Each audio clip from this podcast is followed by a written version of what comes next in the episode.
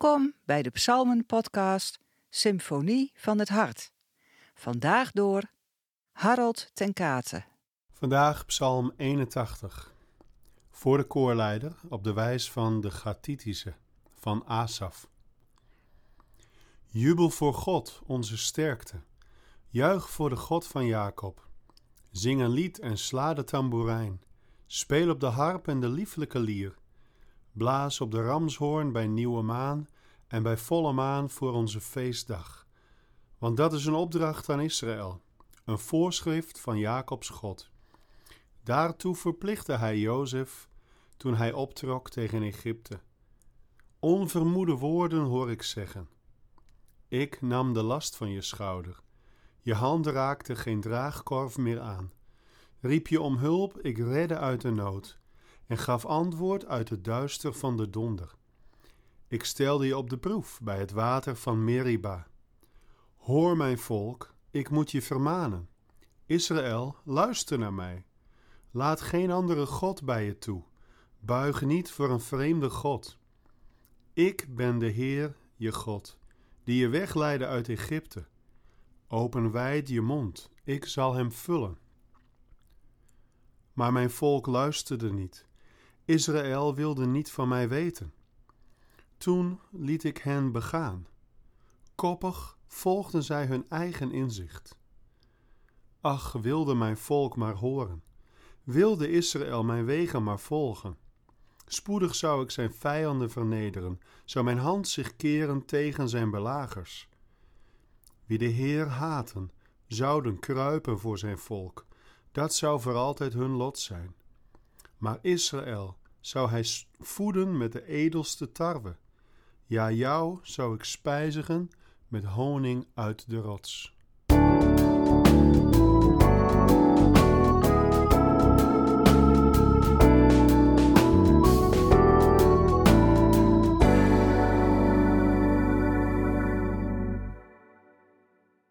Ik ben niet boos, ik ben teleurgesteld.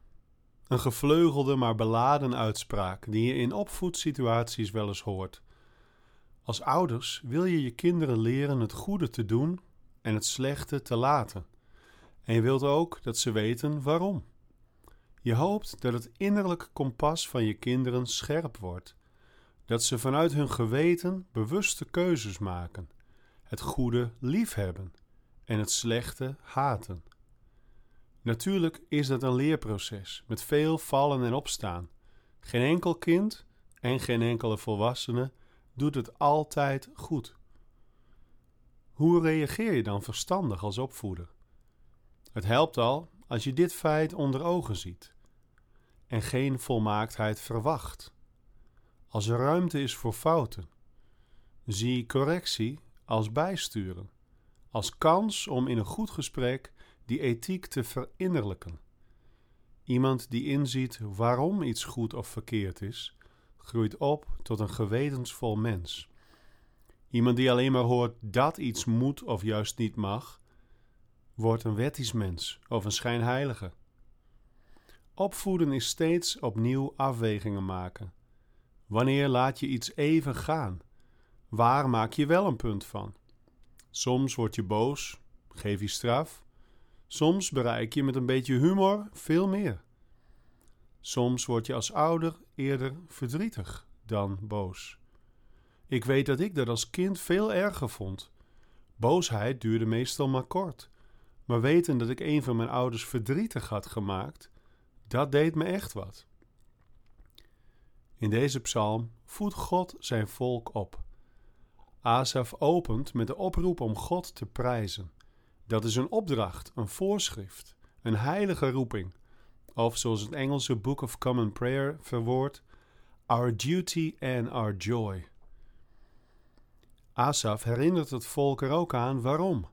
Maar dan wordt hij in de reden gevallen. God zelf neemt het woord met onvermoede woorden.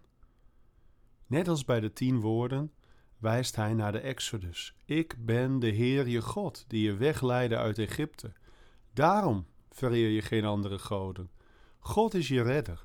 Laat je niet knechten door nietswaardige afgoden van goud, steen of hout. God bevrijdde je uit de slavernij.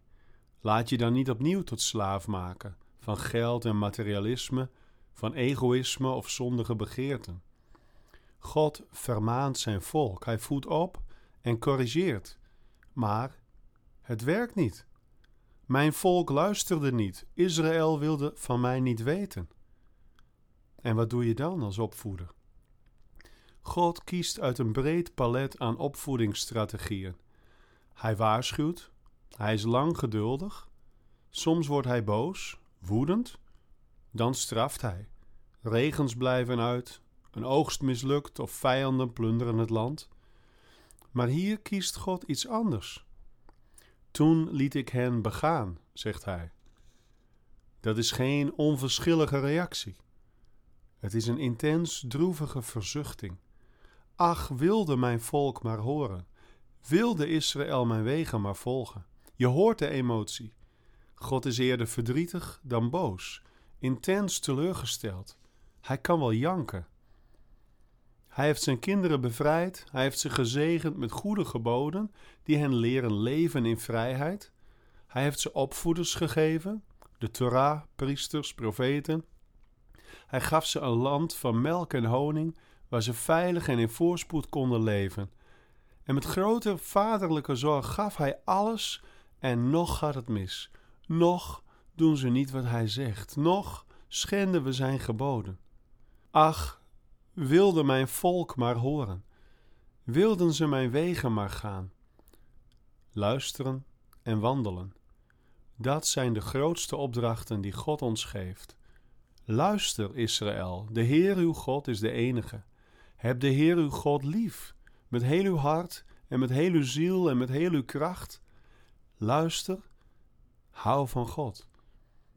En dan ook wandel op zijn wegen, zoals Micha schrijft, nederig te wandelen met uw God. Ach, wilden jullie het maar, verzucht God, dan zou ik jullie voeden met de edelste tarwe, jullie spijzigen met honing uit de rots. En met die woorden eindigt de psalm. Een vreemd plotseling slot. Je hoort niks over de uitkomst. Het einde ligt open. En juist dat zet deze psalm onder hoogspanning. Alsof God alleen zit aan een rijk gedekte tafel met brood en honing. Brood gemaakt van de edelste tarwe, van die ene graankorrel die in de aarde viel en stierf om veel vrucht voort te brengen. Alles staat klaar. Nu wordt ons antwoord gevraagd. Luister. Heb de Heer je God lief. Eet met Hem. Wandel met Hem.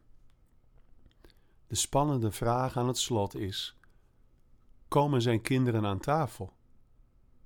Kom jij? Kom ik vandaag aan tafel?